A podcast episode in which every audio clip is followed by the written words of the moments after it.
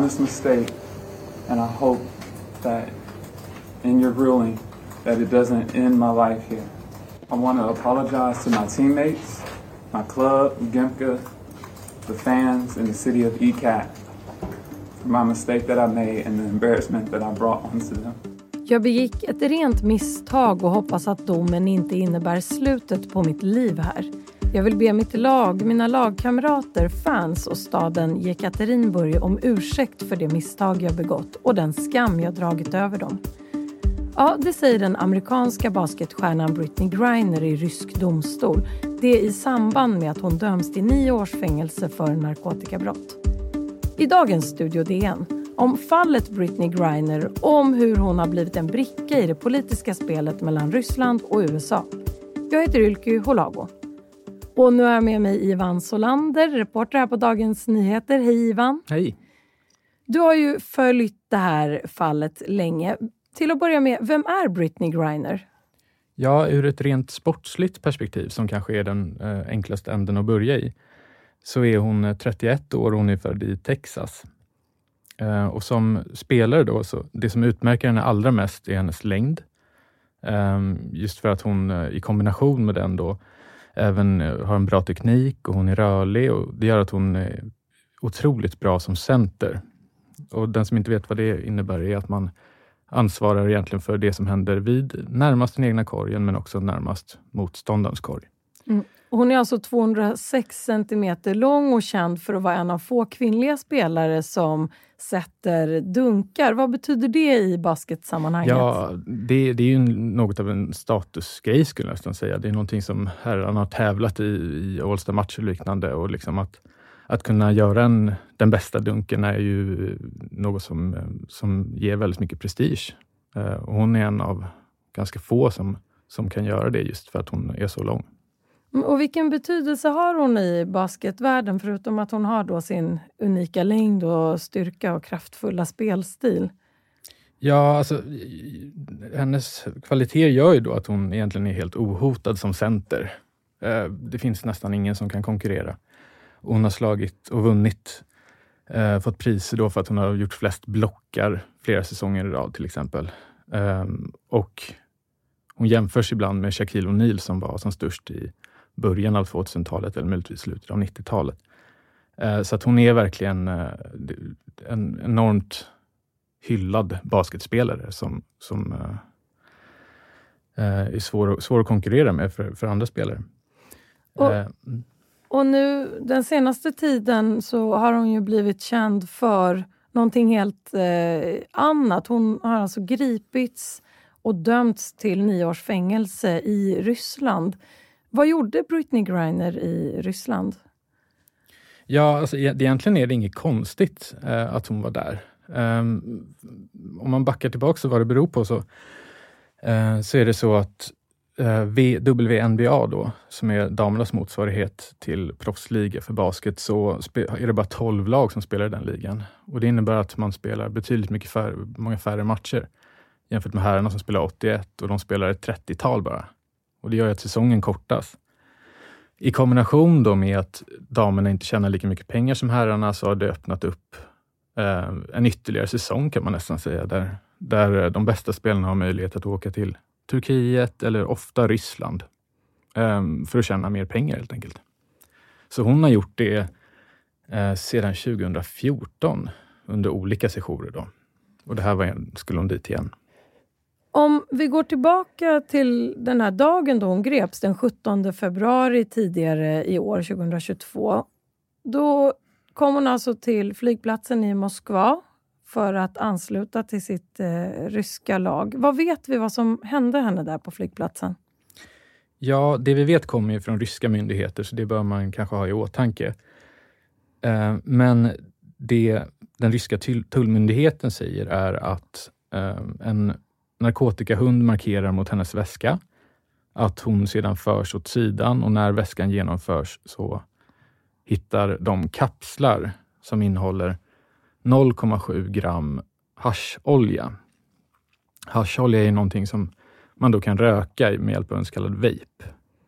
Används bland annat då eh, medicinskt i USA. Eh, och efter det så förs Griner bort och fängslas.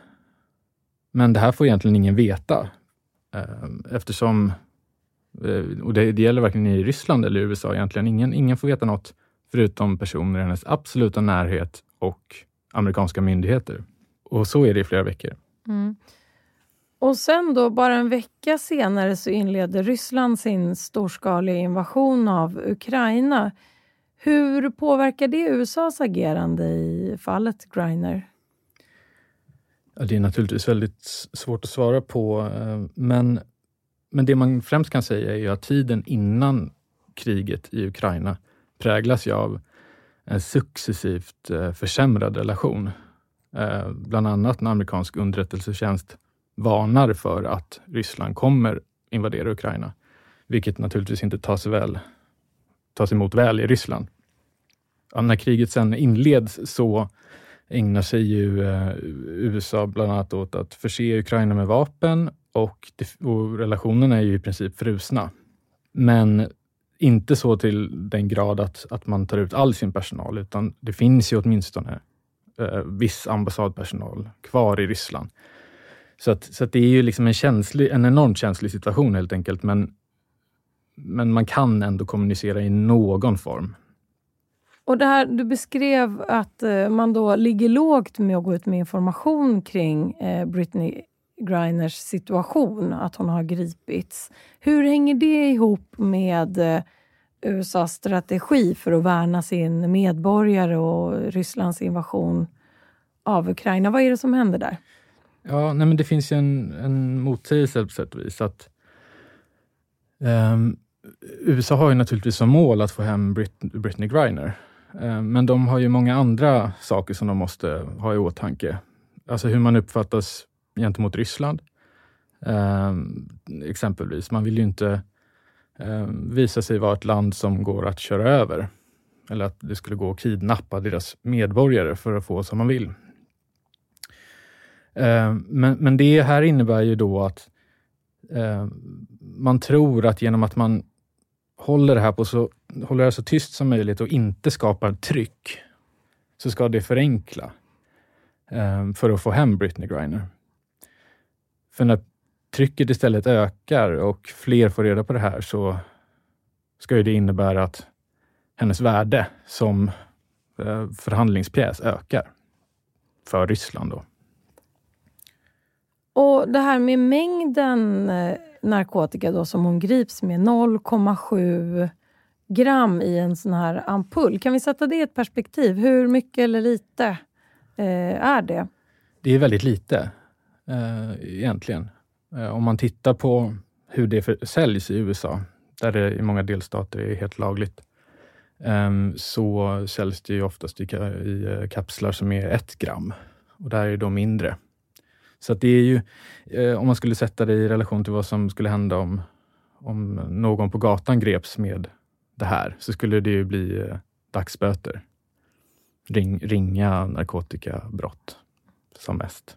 Och Vi ska lägga till här också att Britney Griner själv eh, hävdar att det här är ett eh, misstag, att hon inte haft för avsikt att eh, eh, råka få med sig den här ampullen i sitt bagage. Vi ska ta en kort paus och sen prata vidare om fallet Britney Griner och diskussionerna om ett fångutbyte för att få hem henne till USA.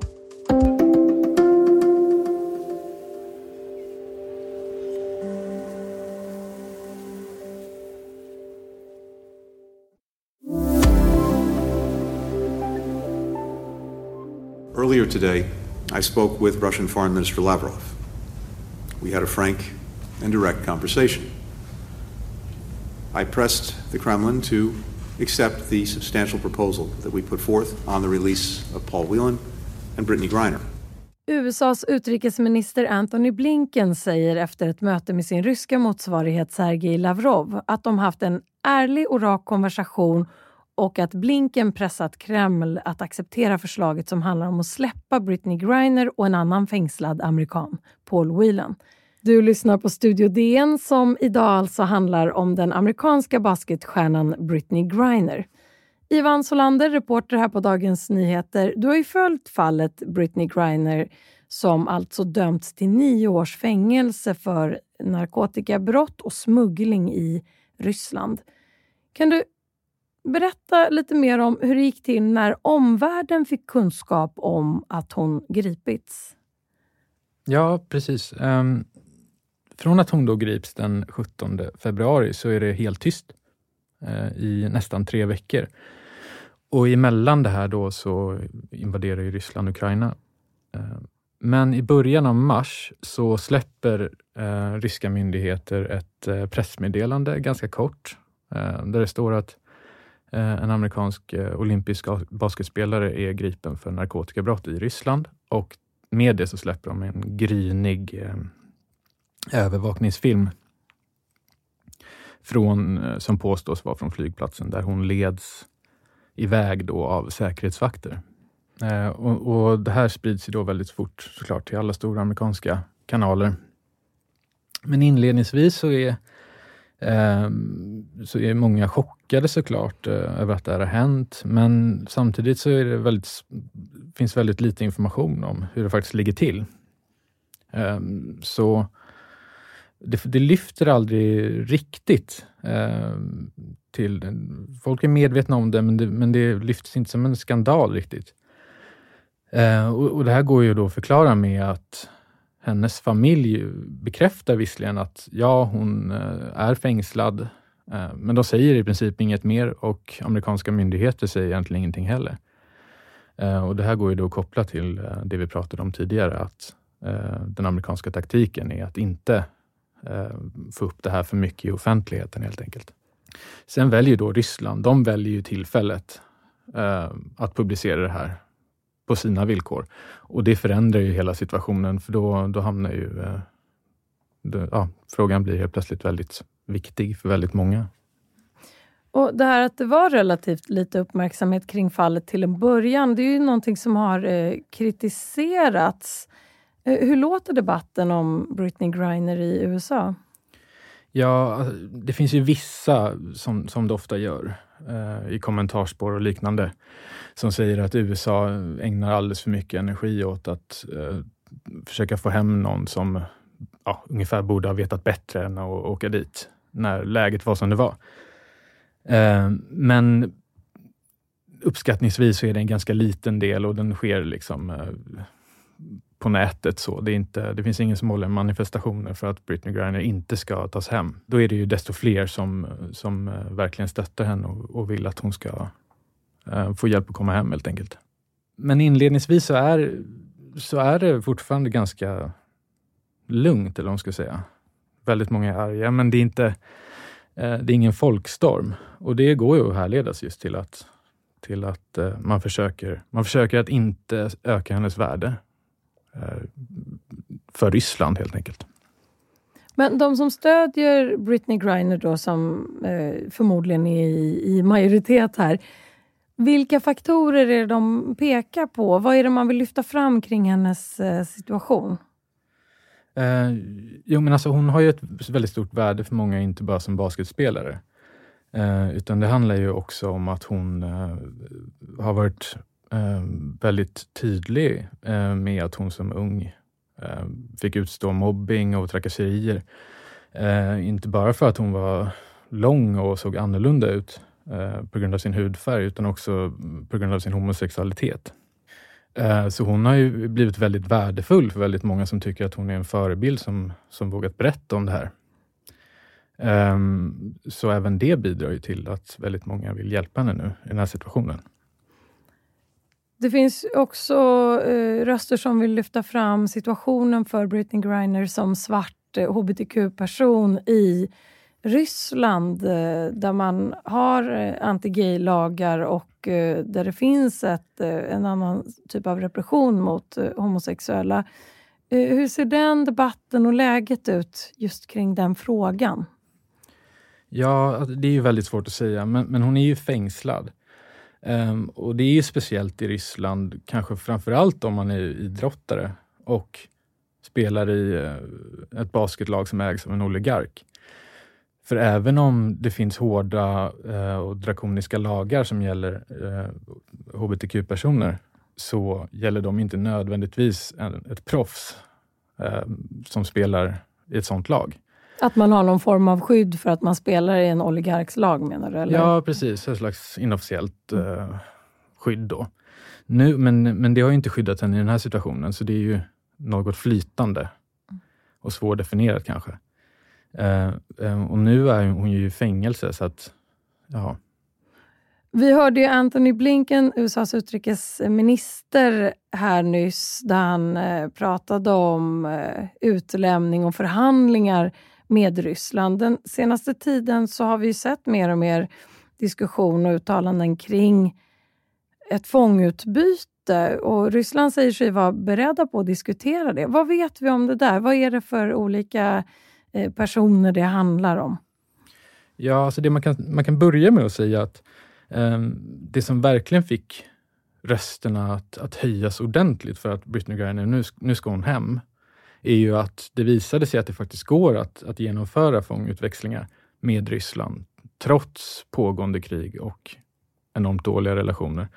Um, för man genomförde ju ett byte i, i våras där en, en rysk uh, pilot som dömts för narkotikasmuggling uh, då byttes mot en uh, amerikansk marinsoldat.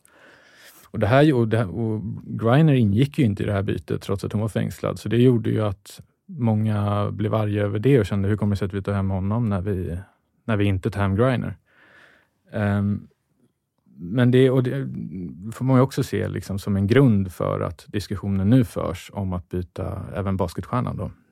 Och i diskussionen om en fångutväxling där Britney Griner ingår, vilka personer handlar det om? Ja, precis. Utöver, um, om vi tar det som USA skulle få, så, um, så får man ju, skulle man ju då få Britney Griner och även Paul Whelan. Och Paul Whelan är en, eh, en man som har suttit fängslad i Ryssland sedan 2019, dömd för spioneri. Uh, och han har tidigare jobbat som säkerhetschef på ett företag från Michigan som jobbade i Moskva.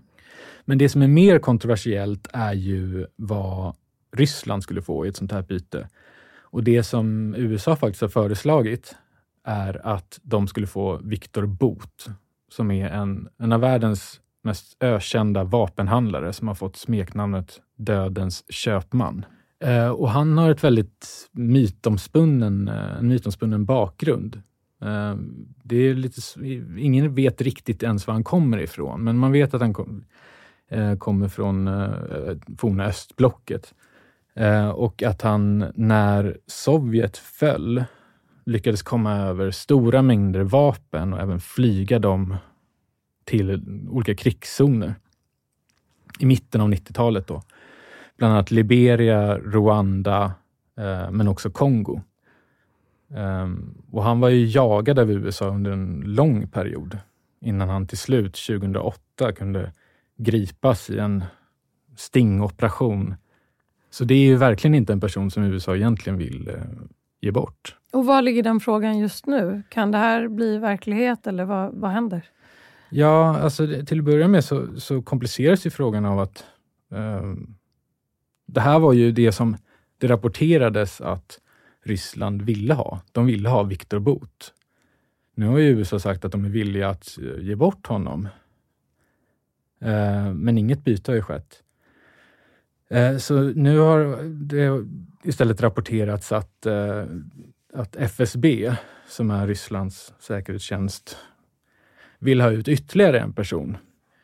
Och då rör det sig om eh, en man som sitter fängslad i Tyskland misstänkt för att på FSBs vägnar då ha lönnmördat en georgisk medborgare i Berlin. Så det är väl där eh, vi är just nu. Så hemliga förhandlingar pågår förmodligen? Ja, precis. Det, det man kan säga är att Ryssland har ju bara en Britney Griner att byta. Så att det är ju väldigt svårt eh, att säga vad de värderar högst. Är det att få vapenhandlaren och den här misstänkta, eller i det här fallet dömda lönnmördaren Eh, eller är det att sätta Biden i en svår situation där han anklagas för att inte göra sitt bästa för att få hem Britney Griner? Um, så det, vi får se helt enkelt. Så avslutningsvis, vad, vad, tror du händer härnäst i fallet Britney Griner? Ja, alltså det, rent juridiskt så, så, kan man väl säga att det finns tre alternativ. Um, Griners försvar har sagt att de kommer att överklaga det här och de har tio dagar från att domen föll, vilket innebär att de har till den 14 augusti på sig. Det andra alternativet som finns åtminstone på pappret eh, är ju att ansöka om att eh, Griner ska benådas av Putin. Men inget av de två första alternativen är särskilt troliga, men, men eh, de finns. Och Det sista är ju helt enkelt att USA och Ryssland når någon slags överenskommelse. Men incitamentet till att komma till en snabb överenskommelse, det kan man inte säga om det finns för Ryssland just nu. Vi fortsätter att följa frågan. För den här gången så säger jag tack så mycket Ivan Solander, reporter här på Dagens Nyheter. Tack. Om du vill kontakta oss så går det bra att mejla till studiodn Och kom ihåg att prenumerera på Studio DN där du lyssnar på poddar så missar du inga avsnitt.